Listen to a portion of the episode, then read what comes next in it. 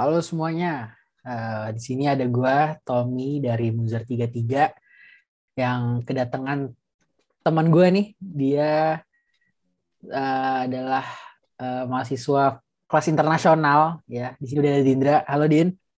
Halo Tom, ya apa kabar Tom? Oh, baik baik baik. Din lu sekarang di kelas in, uh, di kelas inter lu jurusan apa Din?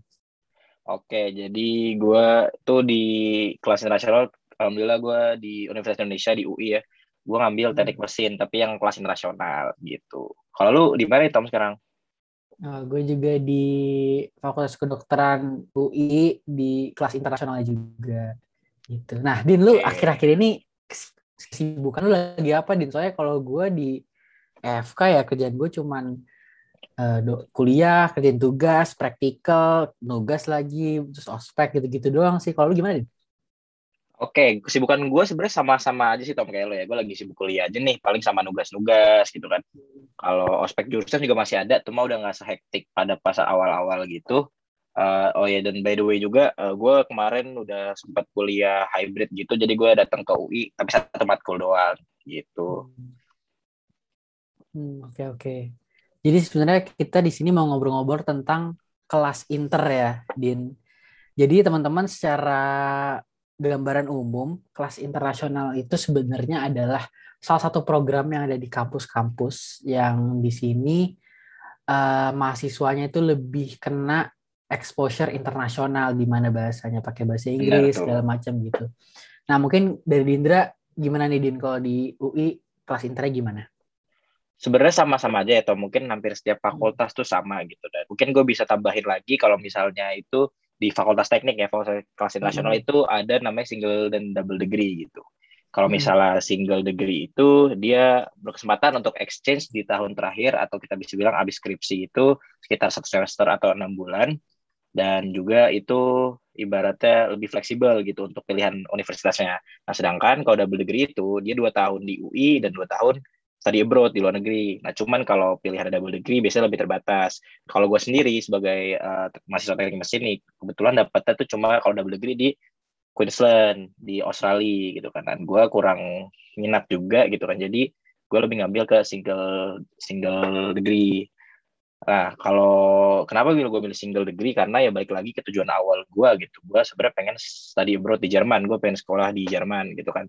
Ya mungkin semoga kita tahu gitu kan, Jerman tuh merupakan kiblat engineering gitu. Semua teknik pasti berkaca pada Jerman bisa dibilang seperti itu. Contoh seperti Pak Habibie juga dia pernah sekolah engineering di Jerman gitu kan. Nah, terus kalau misalnya double degree juga itu sebenarnya dia dapat kelebih ada kelebihan tuh dapat advantage itu dia punya double ini double degree. Dia ada punya dua ibaratnya dapat saja teknik dari UI sama mungkin dapat engineering bachelor gitu bachelor of engineering dari Universitas Mitra yang luar negeri. Nah gitu. Nah, ibaratnya keunggulannya mungkin keunggulan kelas internasional tuh lebih ke itu kali ya. Kita bisa dapat international exposure gitu kita bisa study di luar negeri kita bisa belajar di luar negeri. Tentunya pasti kita bakal lebih jago nih bahasa Inggrisnya.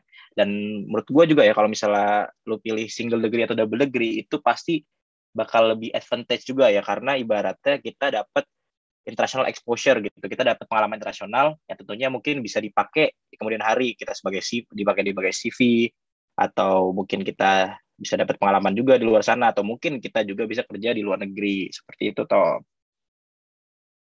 Ah, oke oke oke. Jadi intinya ya kita dapat international exposure-nya lah ya. Benar. Nah, Din, next ini kita mau ngobrol tentang persiapan kita masuk ke uh, kelas inter. Nah, Dindra kan ini terima lewat jalur TS ya, Din.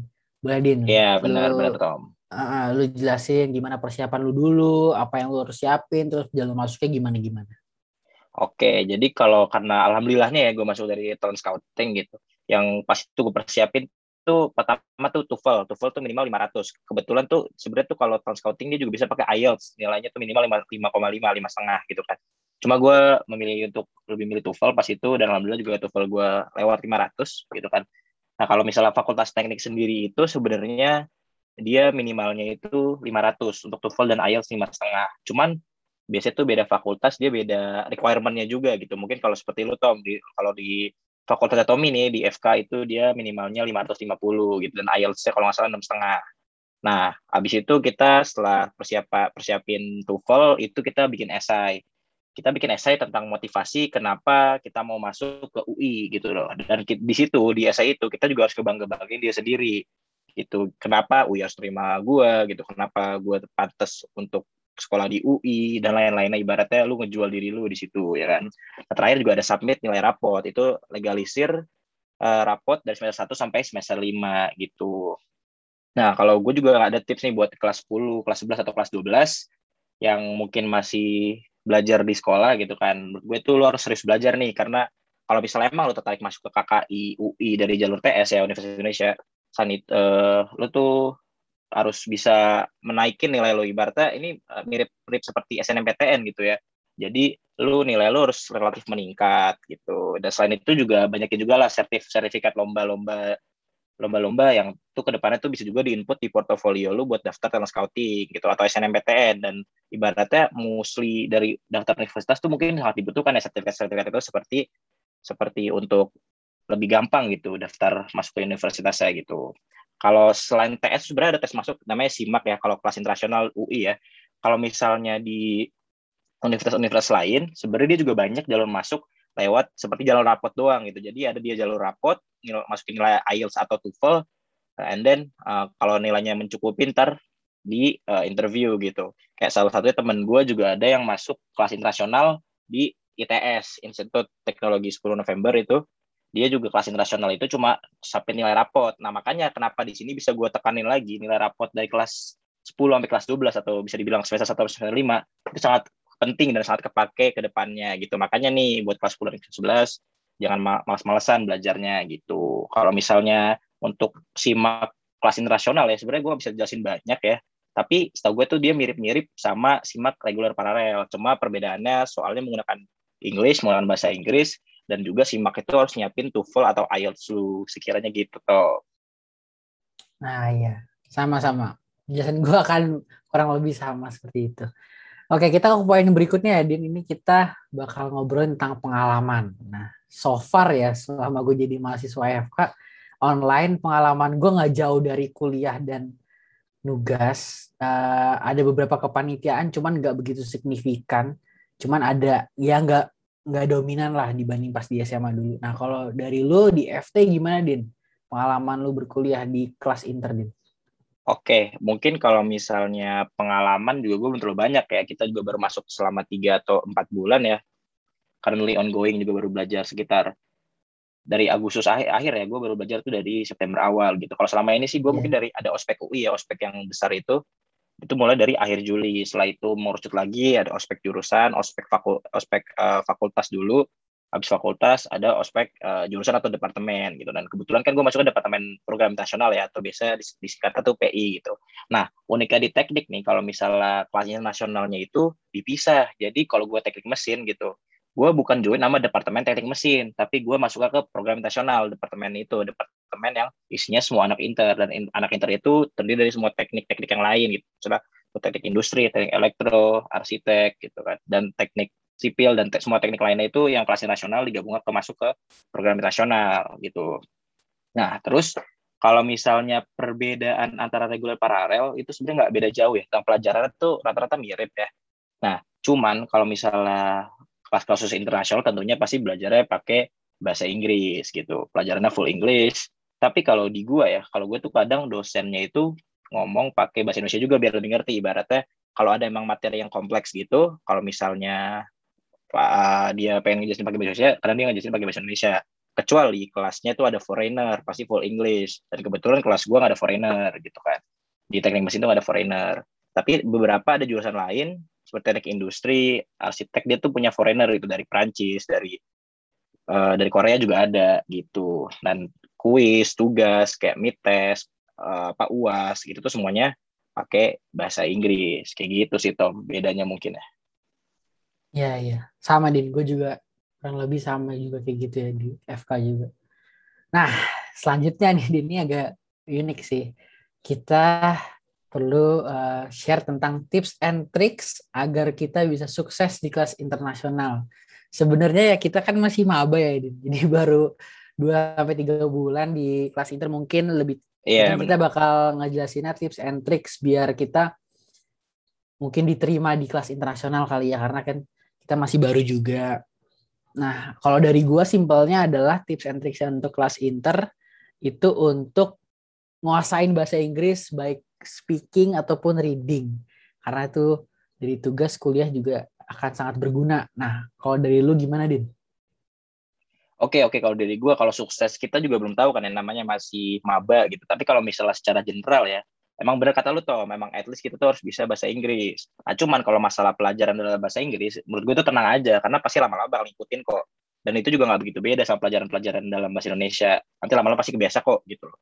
Kalau menurut gue ya cara efektif paling cepat tuh biar bisa belajar bahasa Inggris tuh ini kalau gue tuh biasain itu kalau nonton film streaming atau nonton Netflix atau film nonton apa aja gitu pakai subtitle bahasa Inggris. Karena itu menurut gue itu sangat membantu gitu. Dan mungkin satu lagi ya tips kalau misalnya lu pengen sukses di perkuliahan secara umum nih ya secara perkuliahan secara umum itu lu harus aktif berorganisasi. Dan menurut gue juga sebenarnya itu pilihan sih. Kayak lu mau aktif di organisasi atau tidaknya lu itu sebenarnya itu merupakan pilihan tapi kalau misalnya lo aktif di organisasi, itu sangat membantu ke depannya. Itu lo juga bisa dimasukin ke CV lo pada saat kerja nanti gitu. Saran gue lo harus aktif di organisasi. Kayak gitu Tom sekiranya. Nah, dan juga ya kayak mungkin saran terakhir dari gue nih ya. Kalau tentang ini secara general gitu lah. Kayak biar kita bisa tembus ke PTN atau perguruan tinggi mana pun gitu yang kita minati ya. Kalau saran dari gue itu kan kebetulan alhamdulillahnya gue dari talent scouting ya ibaratnya jadi gue perlu tes gak perlu apa cuma perlu submit rapot, TOEFL, esai, dan sertifikat-sertifikat lomba gue yang pernah gue ikutin gitu kan. Nah, kalau dari saran dari gue ya, lu tuh harus prepare for the worst case-nya gitu. Ibaratnya lu jangan terlalu bertumpu kepada, oh gue pasti keterima TS, pasti gue keterima PPKB, gue pasti keterima uh, eh, SNMPTN, atau gue pasti keterima mandiri yang gak pakai tes-tesan gitu. Nah, menurut gue lu salah-salah besar kayak gitu. Nah, contohnya gue aja, kalau gue emang walaupun gue alhamdulillah keterima di TS, tapi gue tuh dari dulu selalu mempersiapkan untuk case terburuknya gitu. Gue belajar SBMPTN, gue pelajarin-pelajarin juga soal SIMAK, gue pelajarin soal UTUL, soal-soal mandiri lainnya. Dan sebenarnya itu gue juga udah siap gitu. Gue persiapin secara matang juga, ibaratnya kalaupun gue nggak terima secara di TS, gue nggak terima di teknik mesin kelas internasional ini, gue masih ada prepare lah. Gue gue bisa juga akhirnya gua, apa ibaratnya biar gue bisa UTBK juga atau gue bisa ikut ujian mandiri lain kayak gitu. Jadi kalau saran dari gue sih kita nggak boleh bertumpu atau berharap banyak gitu. Ibaratnya kalau keterima alhamdulillah itu sebagai bonus gitu. Tapi lu nggak boleh berharap banyak karena kita nggak ada yang tahu takdir kita di mana gitu kan. Dan juga kita pokoknya harus siapin lah siapin case terburuknya. Kalau dari gue gitu sih. Hmm oke okay, oke okay, oke. Okay. gue juga setuju sama poin-poin lu Din Oke, itu adalah poin terakhir dari sesi ngobrol kita nih Din di podcast kelas internasional. Semoga yang denger dapat insight-nya, dapat manfaatnya oh, iya, dan dapat dapat ya the information ini to know tentang kelas inter lah ya. Iya, dan juga mungkin dunia kuliah gitu ya. Iya, benar. Oke, thank you banget Dindra udahnya udah sempetin ngobrol-ngobrol sama gua oh, iya, kelas inter. Toh Semoga kita berdua uh, lancar kuliahnya, nggak ada masalah. Amin, amin. Boleh. Saya selalu. Oke teman-teman di juga, sini, iya gimana Din? Uh, Oke okay, dan dan juga kalau misalnya nih kak kalian butuh tentang mau nanya-nanya informasi tentang kelas internasional atau tentang dunia perkuliahan, kalian juga bisa nanya ke gua dan Tommy gitu ya. Sekiranya Yo. mungkin gitu Tom. Benar-benar. Oke teman-teman, terima kasih sudah mendengar. Di sini ada gua Tommy. Dan di sini ada gue Nindra. See you next time. Bye-bye. Bye.